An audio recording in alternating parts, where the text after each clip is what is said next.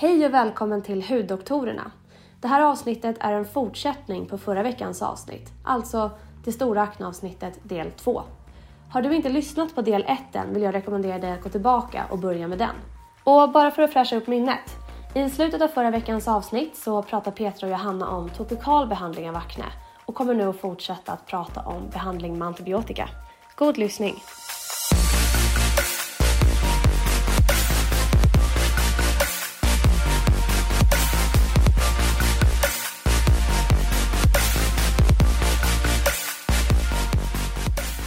Man brukar ju säga att, att den här tetralysal och sånt och som man oftast, den typen av antibiotika som man ger vid akne, dels så ska man ju äta den i lång tid. Man ska alltså äta den oftast i tre månader. Så det är en längre tid. Men sen, där är det ju då, för att inte förändra allt för mycket i eh, vår, vår, bland våra vanliga bakterier i huden och så vidare, så är det ju jätteviktigt att man använder typ eh, Epiduo eller någon sån annan lokal behandling parallellt för att inte då få en resistensutveckling hos mm. de bakterierna man har på huden och eh, så. Så det, det är också en, en viktig del av, av behandlingen. Men annars så är det ju så att mång, det många av de här vanliga bakterierna, jag brukar säga för att om du äter, hals, eller äter penicillin mot halsfluss till exempel, då slår du ut jättemånga av de här vanliga bakterierna i tarmen och sånt också. Då kan man få illamående och diarré och allting. Det får man ju inte på samma sätt av tetralysalen. För den, den går ju inte alls så brett och slår inte ut. Men det är klart att den måste ju påverka, det är klart att den påverkar en del av våra bakterier. Men inte i samma utsträckning som att du skulle käka halsflussantibiotika i tre månader. Nej. Men nog 17 måste, måste det påverkas. Och där vet inte jag riktigt, eller jag vet inte om någon vet riktigt i vilken omfattning och vad det har för klinisk betydelse. Nej. Det är klart att vi kan se att, hmm, jo, det ändras lite bland bakterierna, men spelar det någon roll då? Det, Nej, det vet man inte riktigt. Eller vet du mer? Ja, det där är svårt, men det man ser på antibiotikabehandling, det är att man, man oftast får en relaps. Ja. Eh, och det är väl, alltså du, du kan kontrollera de här bakterierna under en viss tid, men sen kan det också slå slint då när du slutar med en antibiotikabehandling. Mm. Um, till visst, absolut. Det är ju därför många får upprepa behandlingen. Men, men eh, det som jag skulle säga, den mekanismen man Tetralysal då till exempel, eller mm. den, den, typen av preparat, men jag säger tetralysal för det är, kommer att vara det vanligaste.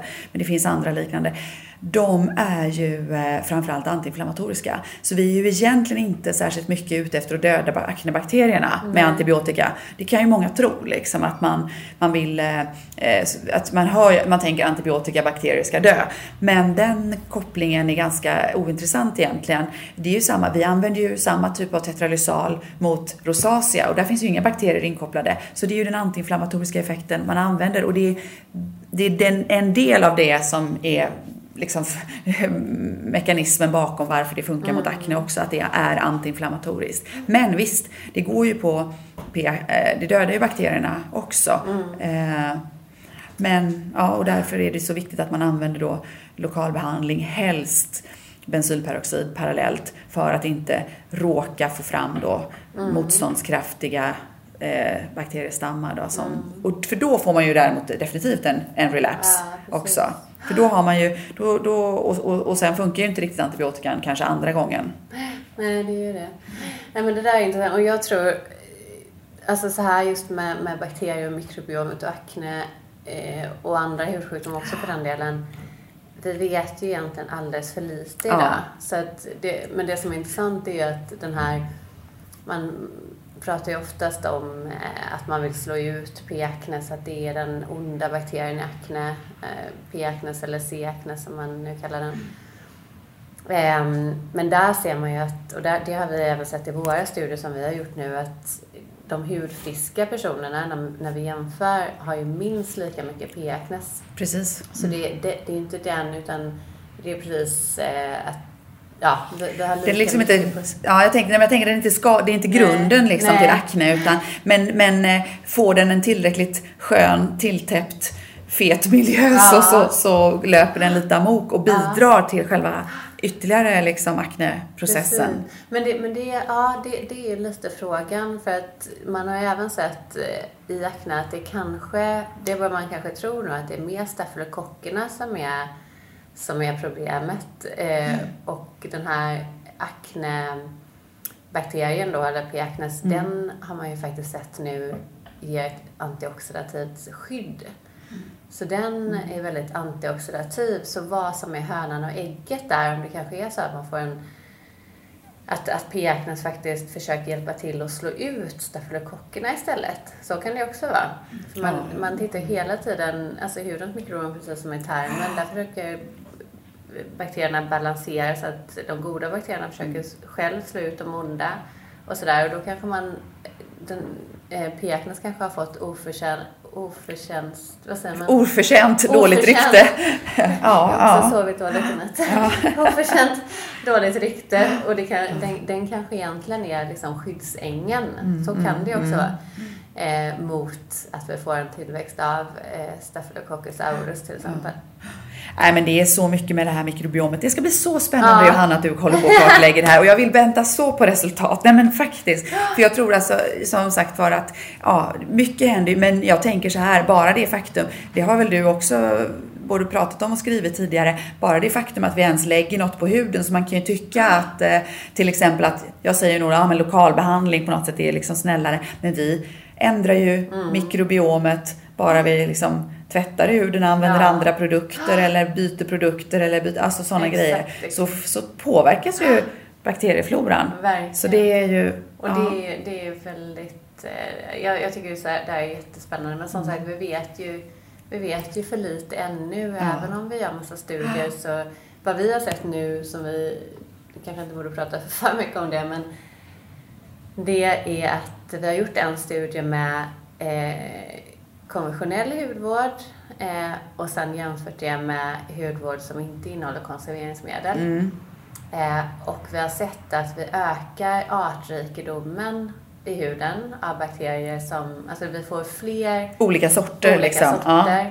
För det kan man ju säga som en grundfaktor, det vet man ju att det är ju superbra. Ju Ja. fler olika sorter bakterier, ju bättre liksom. Exakt, exakt. Och vi får ökad artrikedom då, ju, alltså fler olika sorter av bakterier Mm. med eh, hudvård som inte innehåller konserveringsmedel jämfört med konventionell hudvård. Mm, mm. Och då har vi jämfört en, en, att man har använt då under tre veckor en cleanser och en kräm. Eh, och en cleanser och en kräm då. Och det enda skillnaden är egentligen Konserveringsmedel, konserveringsmedlen. Ehm, så det här är jätteintressant. Mm. Plus att vad vi såg i den studien också var att vi, det här var ju på hudfriska personer, eh, så det var ingen, ingen aknebenägen hud alls. Eh, och det ska vi gå vidare med nu. Men där såg vi att eh, när vi tittade på alla hudparametrar så såg vi också att med ökad eh, bakterieartrikedom så fick vi också minskad rödhet i huden signifikant. Mhm. Och båda de här faktorerna var signifikant bara på tre veckor i 16 individer. Oj, oj. Så, att, eh, så det var väldigt eh, förvånansvärt bra resultat Mhm, eh, egentligen. Eh, Så det är jätteintressant. Men som sagt, vi vet inte, eh, vi, vi vet egentligen inte riktigt vilka bakterier som är de här Nej. skyddsänglarna för, för vår hud. Men det hoppas vi att vi... Att vi Det kommer du att ta reda på. Så Jag småningom. och, och eh, alla andra som tycker att det här är så Ja. spännande. Ja, ja nej men Yes. verkligen. Ja, nej men eh, det, ja, det, det finns, ja, jag, jag väntar med spänning som sagt var. För det, jag tycker det, det känns, jag ser det liksom framför mig som en hel litet mikrokosmos liksom. Ja. Där det händer massa spännande saker som man skulle bara vilja veta. Och vad som har betydelse också. För det är ju en sak ibland att, att detektera att saker och ting sker. Men sen vill man ju också, men har det någon koppling och klinisk koppling eh, och vad får det för så här, åt, efter, åt, eller vad heter det, efterföljder. Ja, men exakt, ja, exakt. Det, ja, superspännande. Men du, sen ska jag bara nämna då lite grann, för nu har vi pratat egentligen om standardfallen då, jag tänker de här som då har ganska liksom måttlig eh, akne och ja, som, som kräver mediciner. Sen vet vi ju att de som har svår akne, eller för all del de som har rätt mycket akne men där behandlingen inte funkar, där det inte, där de, de kan bli bättre, precis som du säger med, med, eller med tetralysal, men de kanske återfaller snabbt eller så Eh, för, det, för jag tycker att det är viktigt också att tänka på att när, om vi tar, det jag tror att jag har pratat mest om nu är egentligen då ungdomsakne. Eh, där ska man ju också ha med i beräkningen att det brukar jag säga till patienten också att vi botar ju egentligen inte deras akne. För aknen hos ungdomar, hos de allra flesta, så avklingar ju den egentligen spontant mm. efter ett par år. Så vad vi gör med våra behandlingar är ju egentligen att vi bara trycker ner symptomen under tiden de finns mm. med olika mediciner då. Eh, och för en del är den där nedtryckningen tillräcklig för att det på något sätt ska lugna sig och avklinga. Så att de upplevelser kan ju bli då att man får först antibiotika och kräm och så blir man liksom bra. Men det är ju egentligen inte så att vi har, utan det var nog så att aknen var på väg att, ja, att avklinga eller så. Eller så har vi hjälpt den på traven kanske. Men då är det ju många som då får besvär igen efter ett par veckor, månader efter att man har avslutat sin tablettbehandling. Det är väl egentligen bara så att akne var liksom inte klar. Den, den börjar komma, komma, komma tillbaka och så. Och då säger ju riktlinjerna nu för tiden att man kan pröva antibiotika en gång till, en tre månaders period och se, okej, okay, hjälpte det den här gången? Eh, och gör det inte det, att det blir samma grej igen, att du blir bra och du efter ett par veckor, månader återigen får återfall, då ska man ju ge det här som heter isotretinoin. Mm. Man, det är som sagt var Läkemedelsverkets riktlinjer säger ju max sex månaders antibiotikabehandling egentligen för akne under en livstid. Mm. Sen så ska man ju gå till då isotretinoin istället. Det är ju för att spara lite på antibiotika och inte använda så mycket. Och eh, isotretinoin är ju det som heter Roacutan tidigare. Så det finns egentligen två skäl där man kan ge det här då. Det är antingen då att du har så svår akne att du inte vill vänta och du måste gå in med det direkt. Eller att du har en envis jäkla akne som fasen inte ger med sig mm. trots eh, liksom upprepade liksom, behandlingsförsök då. Och då får man ge den här medicinen som ju om, omskriven lite grann tycker jag med eh, Många är ju jätterädda för det här isotretinoin för det ibland så står det i dagspressen, eller Expressen kanske jag ska säga, att, äh, att, eh, att eh, tog livet av sig efter isotretinoin och det har fått ett lite oförtjänt dåligt rykte. Man har ju tittat och, i olika studier då att ser ingen egentlig koppling alls till att det skulle öka risken att ta livet av sig. Sen kan man ju aldrig, men människor är individuella. Det är, om någon har en jätte, mår jättedåligt och, och så vidare och så kanske man ska liksom, tala om det med en sån patient. För jag menar, allting är ju ändå individuellt. Men tittar man i stora grupper så ser man ingen, ingen signifikant riskökning mm. för självmord eller suicid som det heter då i, eh, hos patienter som fått isotretinoin. Liksom. Så att det, det, det är nog bara, jag menar, det, självmord sker och, och eh, isotretinoin är en ganska vanlig behandling. Så det är klart att mm. någon gång kan det ja. eh, ske liksom samtidigt. Va? Så att det behöver inte vara orsakssamband för det. Så, det. så av det skälet tycker jag man ska se det som en, en bra behandling. Den största risken med isotretinoin är ju egentligen bara att man, det är fosterskadande. Mm. Det är ju inte så att, att man får sämre förmåga att bli gravid eller någonting sånt. Det har ingenting, påverkar ju inte det. Men det är ju att det lilla fostret då tål inte höga doser av vitamin som det här är då, så att, eller av vitaminsyra. Så att av det skälet så ska man ju vara väldigt, väldigt noggrann med att eh, patienter måste, kvinnliga patienter måste skydda sig mot graviditet. Det är, mm. det är väl egentligen det allra viktigaste. Och det stora, liksom, det som gör att isotretinoin på något sätt är omgärdat av eh, eh att det skulle vara så himla farligt. Innan var man ju tvungen att skriva det på licens och det är fortfarande så att det är bara hudspecialister som får skriva ut medicinen. Men det är ju av det skälet att man inte vill att det ska finnas så mycket och brett i samhället Nej. av just det skälet. Det finns, men man det finns ju där man kanske ger till sin kompis, ja men jag fick den här mot akne, jag har lite över, ta det här. Men man vill att, mm. att det ska vara begränsat av det skälet. Ja. Så att säga. Inte att det är så fruktansvärt farligt. Sen har det ju biverkningar som är framför allt att man blir så fruktansvärt, fruktansvärt torr. Ja. Det blir ju 100% extremt torra i ansiktet, extremt torra läppar oftast. Så det kan ju vara ett stort besvär. Mm eh, torra ögon, en del får lättare näsblödningar och allt sånt där. Men allt sånt där går ju att minska om man faktiskt sänker dosen lite ja. grann. Alltså man kan ju justera dosen om biverkningarna blir för stora. Så att, och det kan vi också prata det här nya low dose Ja, det är egentligen kommer jag tänka, ja precis, det kommer ju igen lite på det här med då vuxenakne Ja. egentligen. För det är ju de då som får det. Ehm, ja men vi kan ta vuxenakne också. Men först kanske vi kan bara Jag känner att säga... jag har så mycket.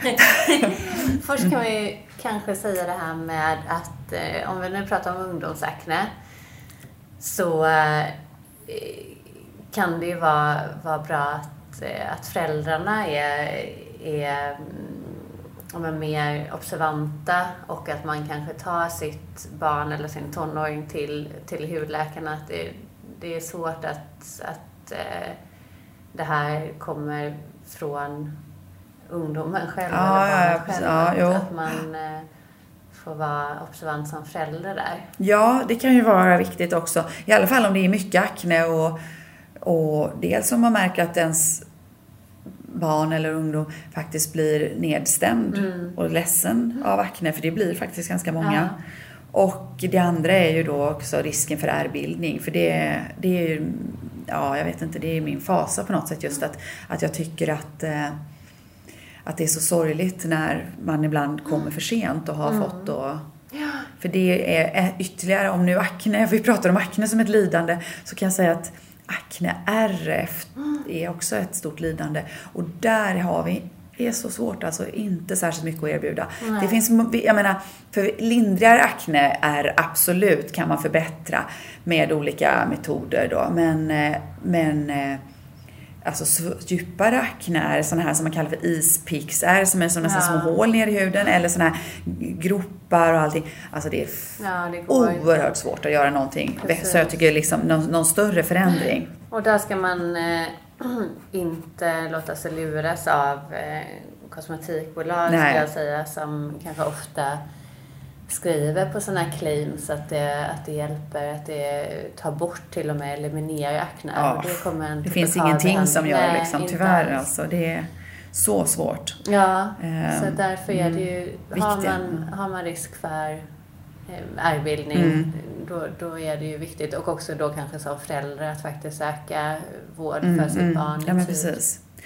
Eh, och där ska man ju veta att man har en individuell risk också för, för att få akne. Den är också lite ärftlig. Så att vi, de flesta kan ju kanske koppla ihop att har jag jättedjup och svår akne så finns risken för ärr. Men faktum är att även relativt lindrig akne eller måttlig typ kan ge ärr om det får stå länge. Och så här, hos, hos vissa individer tycks vara mer akne, eller mera ärrbenägna. Och det är ju, som vi har pratat om tidigare, de här MMP, matrix, metalloproteinaserna, som eh, man kan ha olika subgrupper av det. Och har man viss typ då så har man ökad risk för att faktiskt få ärrbildning även vid lindrigare besvär. Så att då måste man, och jag tror att den viktigaste faktorn för ärrbildning, förutom då den här kanske medfödda benägenheten, det är ju tid till behandling. Så att den tiden ska ju då vara så kort som möjligt. Så därför ska man då inte så att säga landa hos glada amatörer som försöker behandla aknen med diverse icke-medicinska behandlingar. I alla fall inte om den är svår eller my- Exakt. om det är mycket Exakt. eller tendens till ärrbildning. Precis, och det ska man också komma ihåg eh, att hudterapeuter, det, det är ju också inga läkemedelsbehandlingar som man använder här utan det är ju endast eh, det som är reglerat under ko- kosmetikalagen Mm. och alltså så har det begränsad effekt. Det har inte medicinsk effekt. Nej, inte på djupare förändringar i alla fall. Nej. Absolut inte. Nej, det är... Så, att, eh, så den är Viktigt. viktig.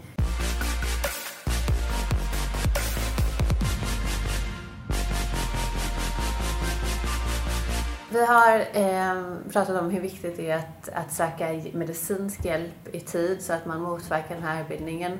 Och det jag har sett mycket det är ju att, att man kanske kommer in i en, en ond spiral, att man eh, testar allt som finns på hudvårdshyllan men även eh, kommer in i en, en, den här spiralen att man försöker då dölja sin akne och täcka till varje pris. Eh, vilket kanske är helt naturligt. Eh, men där har man faktiskt eh, nu gjort en ganska stor studie och sett att en överanvändning av makeup, alltså täckande foundation och sådär, är- står i direkt korrelation till en eh, förvärring av aknen. Så det kanske man också ska vara medveten om att, att det är självklart att, eh, att man ska känna trygghet och att ett makeup kan vara väldigt positivt för att öka självförtroendet, självklart. Men det, det bör inte då motverka beslutet att gå till och söka medicinsk hjälp. Nej, verkligen inte. Det, det, nej, det är en viktig poäng också. Och ja, alltså när det gäller smink och sånt där. Det är väldigt svårt att, att av, alltså att, jag tänker så här, för många gånger så kan ju komma ungdomar och så kanske någon med någon mamma som också säger nej men du får inte sminka dig, du får bara mer akne. Det är ju väldigt svårt samtidigt att säga till någon som då har massa akne och lider av det att inte sminka sig. Men får man en ordentlig, får man en ordentlig behandling, mm. då får man väl eh, fortsätta på något sätt sminka sig lite tills, ja. tills det lugnar sig. Men det är ju viktigt att man använder rätt produkter som du var inne på tidigare som inte täpper till porerna, inte Nej. är komedogena, inte innehåller oljor och inte så här täckande foundation Nej, och sånt där. Utan, ja, men vad tänker jag? tänker så här mineralpuder och sånt där, de är väl Ja, min, min upplevelse, och det här, mm. det här kan inte jag relatera till någon studie faktiskt, men min upplevelse är att, att puderformat, alltså bara mm. ett, ett uh, puder, eh, är mycket bättre än, än foundation. Ja, jag tror också det. Men det, men det är bara min... Mm. Nej, men jag tror att du har rätt. Och det, jag tror inte det finns säkert nog ingen forskning på det. Utan det, det, men men det, är en, det är en upplevelse som ja. jag, och jag delar den helt och hållet. Jag tycker att det är många patienter ändå som tycker att det där funkar i alla fall rätt bra på mm. något sätt. Så att, mm. Ja, och sen har vi ju då, tänker jag, de här där aknen faktiskt inte försvinner då. då. Det, mm. För det är ju ett ganska ökande problem, det här med adult, eller vuxenakne, så kan vi kalla det. För där finns ju också egentligen då två varianter. Det finns ju de där aknen egentligen aldrig riktigt har gått över, som faktiskt är den stora massan. Liksom. Det är, de allra flesta, jag tror att man säger nästan att kanske fyra av fem som har akne i vuxen ålder har eh, på något sätt akne som inte har ja, gått över från eh, från tonåren, eller i alla fall har de haft akne i tonåringen, sen kanske det, tonåren, sen kanske det har varit en liksom fria, lugnare period och, och, så, men sen kommer det tillbaka. Men sen är det ju faktiskt ändå kanske 20% som får, alltså där det debuterar i vuxen ålder, adult onset liksom, akne helt enkelt. Vi gör inte så stor skillnad på det. Jag tycker att de, man får behandla på ungefär samma sätt i vilket fall, men det är lite mer av en behandlingsutmaning för Lokalbehandling kan absolut funka bra. Så det här som vi sagt tidigare då, krämer, salver och så. Men det är lite, det har lite lång, samma, samma problematik där egentligen. Man blir torr och irriterad och det kanske inte eh, riktigt heller ger full effekt. Och sen är det ju också många som, har man haft aknebesvär till och från hela livet så är man dödstrött på det och vill liksom bli av med det. Man blir inte nöjd att det bara blir bättre, lite bättre utan man vill liksom bli helt av med det. Så att, eh, och, eh, och där är det väl också så här att där tycker jag att man har jag vet inte heller om det finns forskning på det. Jag tror i och för sig att, att det finns vissa studier som är gjorda, men det är också en, en, en, en klinisk erfarenhet, är ju att tetralysalbehandlingarna då, de här antibiotikabehandlingarna, det är som att de har inte riktigt samma effekt hos vuxna. Eller framförallt, de hjälper under tiden, men där ser vi ofta återfall. Jag tycker inte, för det är som att det är en annan mekanism än med ungdomsaknen. Det är ju inte så att den där ändå kommer att försvinna en vacker dag, utan har man vuxenakne så är det många gånger lite, i alla fall, alltså där för att stanna på något sätt.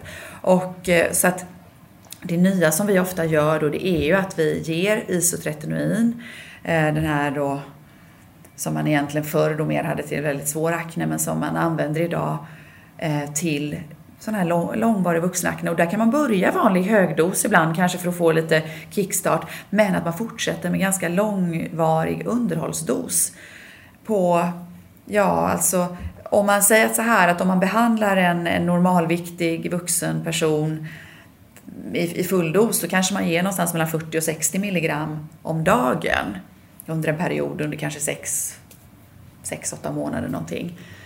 Det är standardbehandling för eh, akne. Det gäller både unga och äldre. Men eh, vid eh, men när man går över till den här långtidsbehandlingen då kanske man tar en tablett Kanske att man tar 10 mg om dagen eller varannan dag. Det finns mm. många så, för att så att säga hålla det i schack, för att inte få återfall när man då går ner från den här höga dosen. Och det funkar faktiskt väldigt bra. Så det är ett tips att controlling, mm. eh, för det handlar ju om det. det här, vi kan ju inte bota akne som Nej. jag sagt lite, utan det, Men även om man har en lågdos isotretinoinbehandling, där måste man ju också ha eh, kontroll då med preventivmedel. Ja, men, och det, men därför säger jag också vuxenakne är ju många då som, det, det måste man verkligen, men det här kan ju vara kvinnor som är både 45 och 50 och 55 som då, ja, mm. så här, men, men absolut. Det är ju en viktig grej och, och, och, det är klart, ska man göra det här en längre tid så får man ju kanske förhoppningsvis, då ska man ju inte, man ska inte planera för barn i alla fall. Eh, eh så. Ehm, men sen, är, sen kan man ju sluta med, man säger ju idag, en till två månader efter avslutad mm. isotretinoinbehandling är, är det här allt borta ur kroppen och det, så att det är inte någon eh, eh, något väldigt långt, långt commitment. Men man får ju absolut inte bli gravid under tiden och måste ju ha noggrann mm. preventivmedel, precis som du säger. Och på tal om preventivmedel så ja. är ju det också ett, ett, eh, ett alternativ för mm. aknebehandling. Det har, jag inte, det har vi inte pratat om någonting nästan. Och det har ju att göra med att eh, Alltså det kan ju också vara jättebra och vi, det, det vet vi ju såklart att många som står på p-piller har inga aknebesvär och sen så kanske man slutar med p-piller av olika skäl. Antingen att man inte trivs eller man vill skaffa barn eller så. Och då kan ju aknen också blossa upp. Och det kan, där har vi också en grupp patienter faktiskt som inte har haft akne tidigare men som faktiskt får det i samband med att man slutar med p-piller. Mm. Som är, ja, och så. så att det, men då, då, tror man antagligen att det är, det är de här hormonsvängningarna på något sätt som triggar igång i alla fall. Då, någon form av benägenhet och så triggas, triggas det igång då. Och p-piller är ju ett effektivt, eller jag ska säga så här, jag tycker det är lite lurigt ibland med, med preventivmedel och akne, för det kan vara lite åt olika håll faktiskt. Mm. Och det är, inte all, det är inte så att alla svarar på samma sätt, men om vi ska generalisera lite så eh, kommer ju eh, de kombinerade p-pillerna, de här alltså lite så starkare som man säger kanske som fanns, som har funnits länge, de har ju ofta en väldigt bra effekt på akne. Mm. Medan de här mer lågdoserade, de som har eh, kanske bara den ena sorten, typ då minipiller, p-stavar, hormonspiraler och sånt där. De kan ha varierande effekt. De kan ha att man får lite mer akne. Det är såklart det, är absolut inte alla, men där finns det en del som får lite mer akne. Mm. Eh, och varför ger man inte då p-piller till alla som har akne? Ja, men dels är det så här att eh, de som är mest effektiva mot akne, det är ju de som är då relativt, liksom, som jag säger då, högdoserade. Mm. Eh, det är Diane och... Precis, och, exakt. Mm. Och de eh, har ju tyvärr en viss, har man väl upptäckt allt mer en viss riskprofil då. Att det finns ökad risk för som vi säger då kardiovaskulär händelse som typ stroke och proppar kanske framförallt och sånt där. Va? Det är ju inte så kul. Eh, jag skriver faktiskt aldrig ut p-piller som aknebehandling till någon som inte i grunden i så fall har, om, man, om, om en, en kvinna ändå har p-piller, då kan man pröva att byta till en sådan typ av profil. På, men att bara ge p-piller till någon som inte har behov av p-piller eller vill ha det för, för akne, jag vet inte vad, det kanske är det en del som gör tror jag, men jag tycker det känns lite omodernt. Och sen så har man just också den här ökade risken för eh, eh med de här p-piller med akneprofil. Mm. De har, man en, har en viss riskökning. Så att, ja, jag vet inte, jag tycker det kan kännas lite olustigt på något mm. sätt. Så att, eh, eh, och där får man ju verkligen då kolla, liksom, man får ju inte ge det till kvinnor som är, har högt blodtryck eller är överviktiga eller har någon ärftlighet för, liksom, mamma fick eh, stroke i 50-årsåldern, liksom. då ska man ju inte våga ge det Nej. överhuvudtaget. Va? Så, att, eh, så det, det, ja, det har vi sina begränsningar. Och eh, då kan jag tycka att våra andra lokalbehandlingspreparat och eh, även då isotretinoin då utgör egentligen bättre och mera skonsamma alternativ faktiskt. Ja, exakt.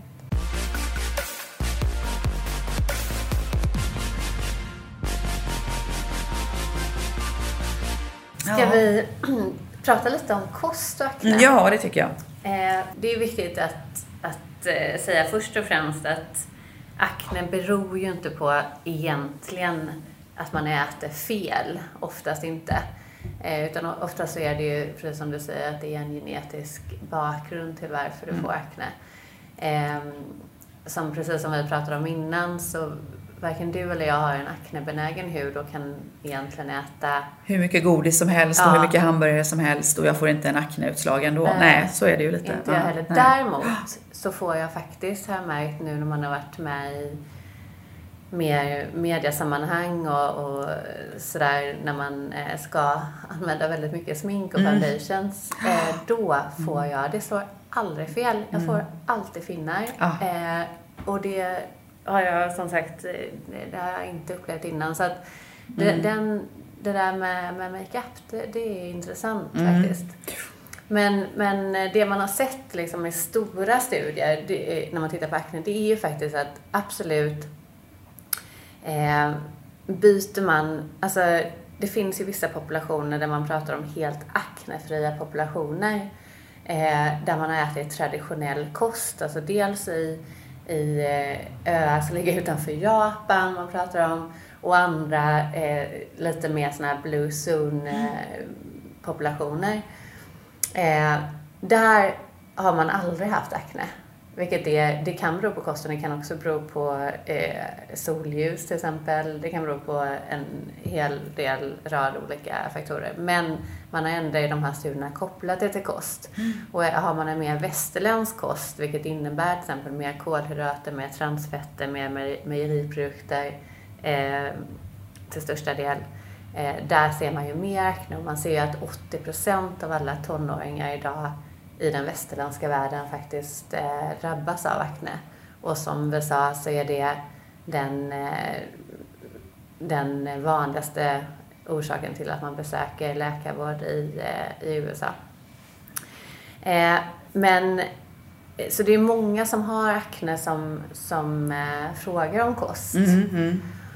Och jag vet inte vad du säger men där eh, det finns ju studier, bland annat en forskare som heter Kathleen Wolf i mm. USA och hon har ju sett att eh, man, det kan gynnas att dels eh, äta mindre eller helt avstå faktiskt från mejeriprodukter. Men det där är också, det är inte helt solklart.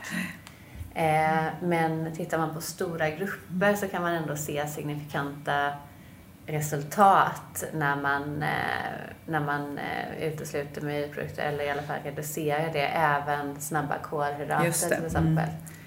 Den där, ja, de där snabba kolhydraterna är jag helt med på, mm, verkligen. Mm. Där vet man ju också, om man säger bakgrunden och om vi nu har pratat om den här receptorn som vi säger som är lite spattig för, mm. Eh, för våra vanliga hormoner mm. så är det ju så att när vi äter mycket snabba kolhydrater så frisätts ju vårt insulin mm. och insulinet kan stimulera de här receptorerna egentligen på samma sätt. Då. Ja, och så, att, eh, så där har man ju hittat en, om man säger, om man säger vetenskaplig förklaring till, eh, till varför då ja, snabba kolhydrater kan, men det är ju lite återigen som vi säger, du måste ju ha den genetiska benägenheten ja. först. För många blir ju sådär, men vadå, jag, min kompis kan äta hur mycket socker som helst, hon får ingen akne så det kan inte ha någon betydelse. Men, men i och, och sen finns det ju de även som har akne som inte påverkas så mycket av det och då är det väl så då, för det är ju som återigen, vi är väldigt individuella, men märker man att man blir försämrad av att äta snabba kolhydrater, då finns det en koppling liksom. Den är, det är inte bara, för det där tristade man ju i många år, på 60-talet sa man, nej du ska inte äta choklad och sen komma fram, nej det var bara struntsnack, du kan, det har ingenting med choklad att göra och så vidare. Så det har liksom svängt omkring där, men nu, nu vet man liksom att, eh, att snabba kolhydrater kan eh, liksom stimulera de här spattiga receptorerna och, och, och, skapa akne hos, hos de som är känsliga. Mm. Men det här med mejeriprodukter, det, ja. det tror jag faktiskt också, för där har man ju också insulin growth factor faktiskt i mjölk ah, som ja. kan påverka. Säkert. Ah. Säkert. För det har jag funderat på ibland. Ah. För, för det är roligt, du säger mejeriprodukter generellt. Jag har då fått lära mig lite grann magra mejeriprodukter. Som att liksom, eh, de skulle vara värre på något sätt. Jag vet, jag vet faktiskt inte varför ah. riktigt. Jag har försökt att titta på det ibland men jag har inte hittat någon, om man säger vetenskaplig förklaring utan bara sett att det står just magra mjölkprodukter. Men, ja, eh, det, det ja, jätteintressant. Det mm. har inte jag hört. Nej. Eh, men, eh, men däremot så är det ju det är väldigt svårt det där för att jag tror mycket mjölkprodukter med den här insulin growth factor mm. kan trigga mm. en, om man har en benägenhet till att få akne. Men däremot så äter man, har man yoghurt till exempel som innehåller mm. laktobaciller Eh, nu, man forskar ganska mycket på probiotika, alltså mjölksyrabakterier, om det kan ha en effekt för att minska inflammationen i akne även om man äter det, så att man kan påverka tarmfloran på något Okej, sätt. ja. Det finns inga tydliga, eh, ja, tydliga resultat där, men eh, ja, det, det är ju jag tror vi kommer få reda på mycket mer Ja. framöver faktiskt. Mm, mm. Ja, för det är ju spännande. Jag, tycker, jag tänker, men samtidigt har man tittat på det med, jag tänker man har tittat på det med eksem och med rosacea och man har inte sett någon jätte... Jo, det fin- på, speciellt där skulle jag säga att speciellt för eksem så finns det faktiskt ganska mycket studier på probiotika. Mm. Ehm, just eh, där man tar, dels om man tittar på bara äta yoghurt med mycket mjölksyrabakterier men även eh, tablettform eller droppar för barn. Eh, och man har sett, eh, det finns vissa studier, Mm. sen behöver vi ha fler och större studier såklart. Men just för eksem, där har man ju forskat ganska mycket. Akne har man inte gjort Nej, så mycket. nej, vi får se vad det kan ge framöver. Men, eh, men som sagt, vi var inne på snabba kolhydrater. Kanske att man ska dra ner på det. Och även, man kan ju testa, det är ju väldigt individuellt också. Jag pratade med en annan eh, eh, hudläkare förra veckan och hon ja, anser också att det här med mejeriprodukter är ganska oklart. Mm. Ehm, så att eh, man, man, det är ju ingenting som förvärras av att man, man testar i Nej, alla fall. och vissa nog- nej. kan påverkas av det. Ja men precis. Och sen har vi också, tänker jag, så många killar som äter då proteinpulver Ja. och sånt där. Tränar mycket, käkar mycket proteinpulver. Och där har man väl också faktiskt sett ändå att det är samma sak, det gäller inte för alla, men att en del faktiskt får mer akne. Så att har man svår eller liksom envis akne som inte tycks eh, svara på behandlingar och inte blir bättre och så vidare, då brukar jag faktiskt eh, ja, förstå, avråda eller rå- råda till att avstå från just proteinpulver och sånt där också. Eh, sen vet jag inte om det är olika, de kan vara olika baserade och växtbaserade och mm, mjölkproteinbaserade och allting. Jag vet inte om det är riktigt ut... Nej. ut eh, Det kan ju vara mjölk, om om det är så ja, att det är ja, precis. mjölkprotein, Ja, men jag tror att, ja. Så Men även om jag undrar, whey, whey protein, vad är det då? Det är... Vete. Vete, ja, ja det, var det, jag, det var det jag trodde men jag osäker. Men jag för mig att även det kan ge. Så att ja, nej men eh, en viss försiktighet. För, och jag, antagligen så, jag menar, stimulerar man väl någon form av tillväxt som då i, på något sätt triggar spattiga receptorer där också. Så, att, så det kan vara en, en, en bra tanke också att, Precis. eh, att avstå det.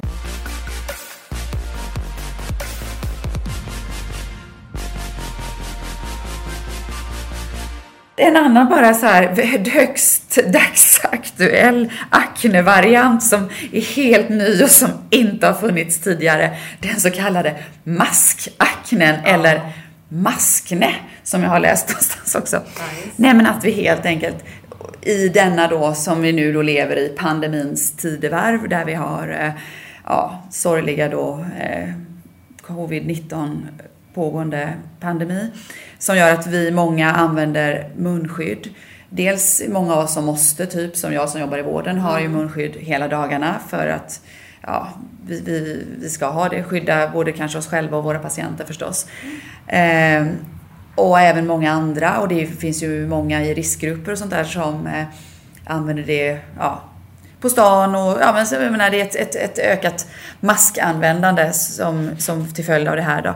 Och då har man ju också faktiskt sett, och det, återigen det är alldeles för tidigt, det är väl ingen som har gjort några riktiga studier för eftersom det, har liksom, det är ett ganska nytt fenomen. Men många rapporterar och jag tycker att jag har sett ganska många patienter som får värre, mer akne, eh, mer även rosacea, mer eh, och kanske försämrade, de har haft det innan och det har blivit försämrat eller så är det eh, att de kanske inte har haft så mycket besvär tidigare och plötsligt får besvär också. Så det finns lite alla varianter. Och där tror jag faktiskt, man har väl sett att, eller man har väl sagt så här att bakgrunden kan ju vara bland annat friktionen. Man har det här lilla skyddet som gnager på hudytan hela tiden.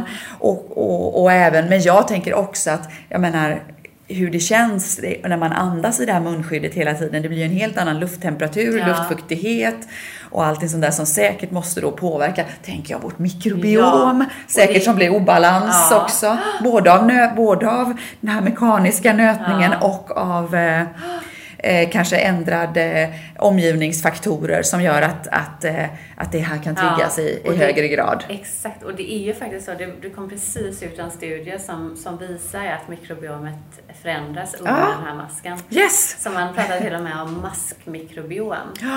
Eh, och då, där får vi faktiskt också eh, ytterligare en, en ind- indikation på hur viktigt mikrobiomet är Ja. för till exempel en hudsjukdom som akne. Ja, ja men det tror jag verkligen. Jag tror superspännande med mikrobiomet. Ja.